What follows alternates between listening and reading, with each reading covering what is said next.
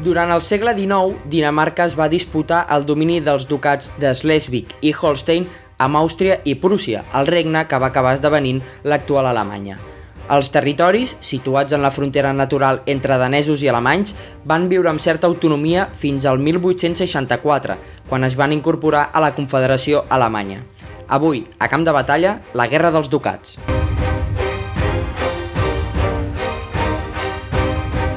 Els ducats de Schleswig i Holstein es troben a l'extrem sud de la península de Jutlàndia, és a dir, a la zona on conflueixen Dinamarca i Alemanya. De fet, actualment la totalitat de Holstein es troba a Alemanya, mentre que Schleswig manté una petita part en territori danès. Des de mitjans del segle XV, tots dos territoris es van convertir en ducats que formaven part de la corona de Dinamarca, després que el rei danès arribés a un acord amb la noblesa alemanya de Schleswig i Holstein. Tots dos territoris, tot i gaudir de certa independència, mantenien una estreta relació entre Dinamarca i la Confederació Germànica. Schleswig, al nord, era un feu danès, mentre que Holstein, al sud, era un feu alemany. Tot i així, el rei de Dinamarca era duc dels dos territoris. Ja des de la dècada de 1840, Dinamarca va intentar incorporar el ducat de Schleswig a la corona danesa.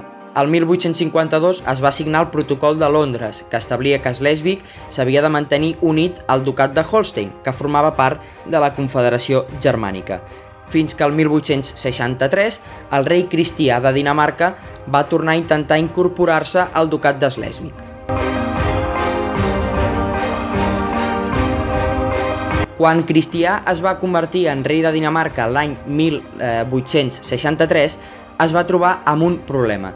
Les lleis de successió eren diferents a Dinamarca i als ducats de Schleswig i Holstein, fet que provocava que Cristià pogués perdre el seu control sobre aquests ducats. Així que es va proposar incorporar Schleswig al seu Holstein, prenent-li així l'autonomia i saltant-se els protocols de Londres que establien que Schleswig i Holstein no es podien separar.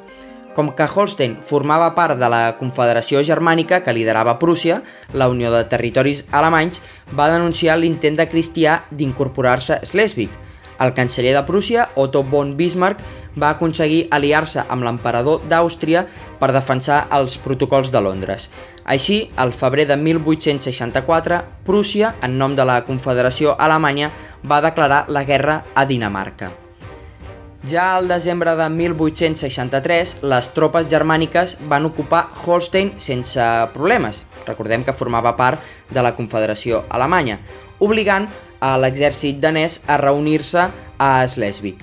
Tot i així, l'inici de la guerra es fixa al febrer de 1864, uns mesos després, quan Prússia va creuar la frontera entre tots dos ducats.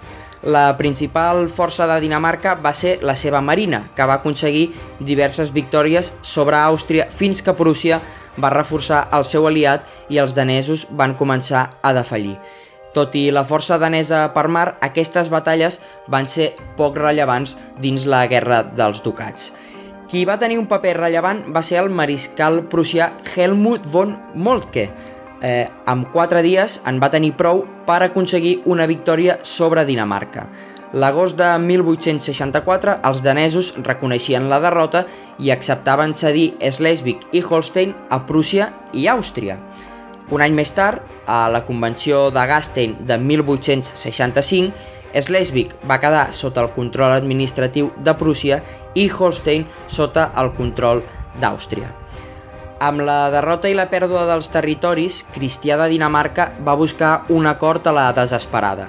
Va oferir a Prússia el control total de Dinamarca si permetia que Schleswig i Holstein formessin part del territori danès, Otto von Bismarck, però, no ho va acceptar. En canvi, sí que va pactar amb Àustria, que era qui controlava Schleswig, que la població d'aquell ducat podia escollir si volia formar part de Dinamarca o d'Alemanya. Otto von Bismarck no li va posar gens fàcil al govern de Schleswig a Àustria, de fet, li va posar les coses ben difícils fins a trobar una excusa per declarar-li la guerra al 1866. Recordem que durant la Guerra dels Ducats, Àustria i Prússia havien sigut aliats. En la coneguda com la Guerra de les Set Setmanes, Prússia va sortir guanyadora i es va fer amb el control total de Schleswig, que es va sumar al domini de Holstein, convertint-se en una província prussiana. A més, va demostrar a la resta de membres de la Confederació Germànica que Prússia era la única que podia liderar la futura Alemanya davant de possibles atacs. Més tard, Otto von Bismarck va acabar proclamant el naixement de l'imperi alemany després d'unificar tots els territoris.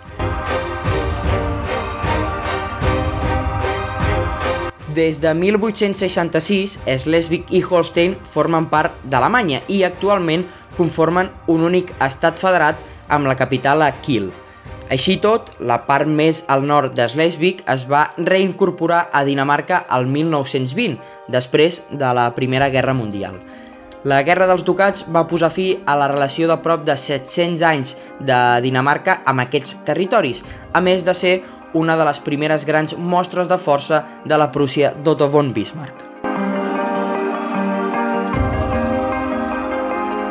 Fins aquí aquest capítol de Camp de Batalla en el qual hem vist com Prússia va aconseguir incluir al seu domini un territori que es troba en la frontera natural entre l'actual Alemanya i Dinamarca. Moltes gràcies per escoltar-nos, la història continuarà en els següents episodis de Camp de Batalla.